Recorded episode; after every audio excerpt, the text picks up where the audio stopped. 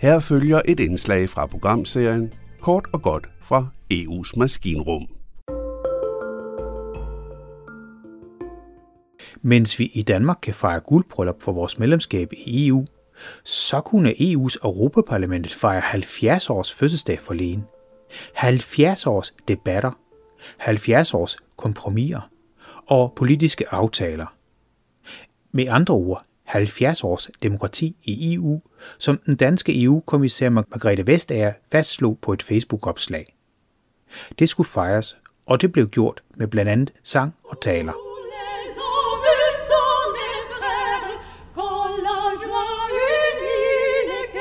Sangen kaldes for Europas nationalhymne, og alle parlamentarikere stod op, mens sangkunstnerne gjorde det, de var og er bedst til.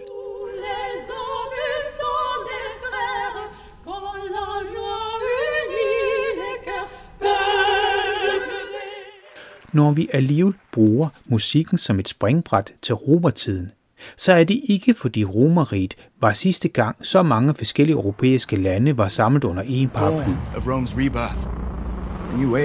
For den påstand vil mange historikere kunne rive fra hinanden og betegne som usand. Af mange årsager i øvrigt.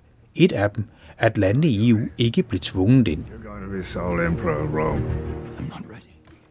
Nej, når vi tager turen til Romeriet, så er det fordi, at i romertiden var der en meget populær leg.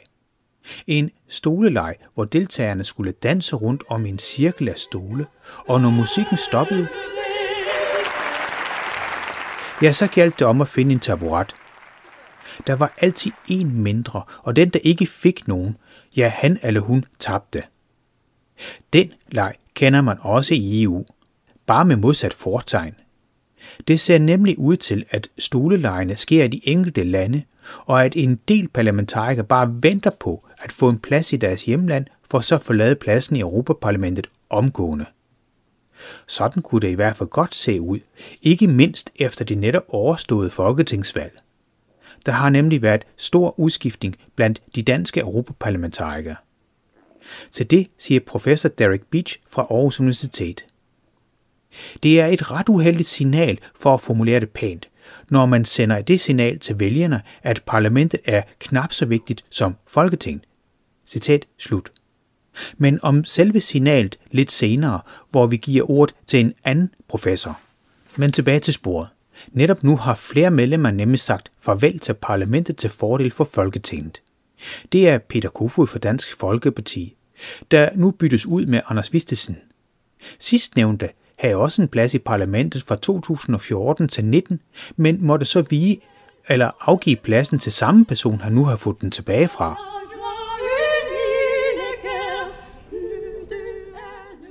I partiet Venstre har der været særdeles meget gennemtræk siden valgt til Europaparlamentet. Både Søren Gade, Linnea Søgaard Lidell samt Kim Valentin har forladt deres poster i Europaparlamentet til fordel for en plads i Folketinget. Pladserne, der nu efter folketingsvalg blev ledige, blev overtaget af henholdsvis Bergur Lykke Rasmussen og Erik Poulsen. Stolelejen er i fuld gang. Dog forblev både Asger Christensen i øvrigt og Morten Lykkegaard på deres pladser i Bruxelles og Strasbourg for Venstre.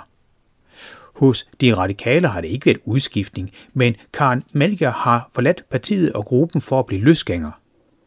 Det skete inden valget efter en hæftig kritik af hendes ledelsesstil over for sine ansatte, som fik partiet til at opfordre Karen Melger til at trække sig. Det gjorde hun som nævnt ikke, men meldte sig ud af partiet i stedet. Også hos Socialdemokraterne har der været udskiftning på holdet, og men det ikke sket for nyligt. Jeppe Kofod forlod omgående sin post, da han fik tilbudt at takke ja til posten som udenrigsminister. Hos SF var det Carsten Hønge, der valgte at gå, selvom han under valgkampen bedyrede, at han skam kun kunne tænke sig en post som europaparlamentariker. Men det holdt ikke. Indkom Kira Marie Peter Hansen.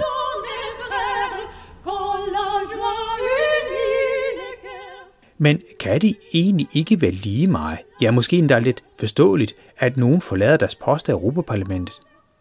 Så det kan man sige, at de politikere, der har valgt at rømme pladsen til sammen fik en halv million danske vælgers personlige stemmer.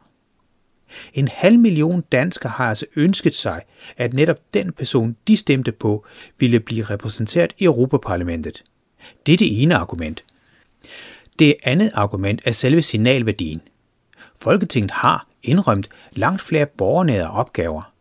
Men EU håndterer i dag en meget lang liste af vigtige politiske sager, fra krisehåndtering til miljø- og klimapolitik.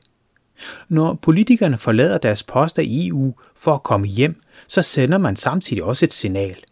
Et signal, der godt kunne tolkes i retning af, at EU ikke er vigtig nok. Når det i forvejen er svært at få danskerne eller europæerne til at interessere sig for EU, for at slet ikke tale om journalister, så bidrager det til en uheldig cirkel. Eller som professor Peter Nedergaard fra Københavns Universitet fortæller her om det billede, politikerne formidler. Som noget, øh, man heller ikke fra, fra politisk side tager seriøst.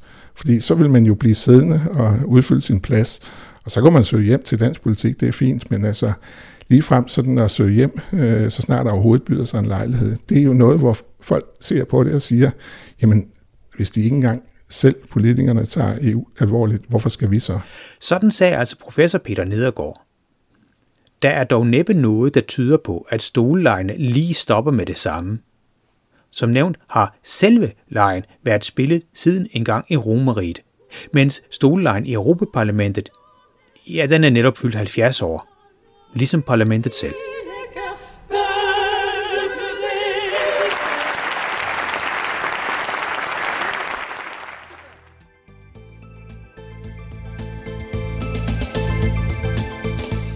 Det var kort og godt fra EU's maskinrum.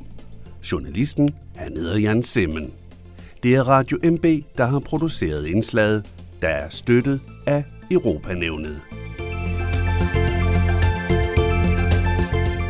Du kan finde flere historier på radiomb.dk-eu.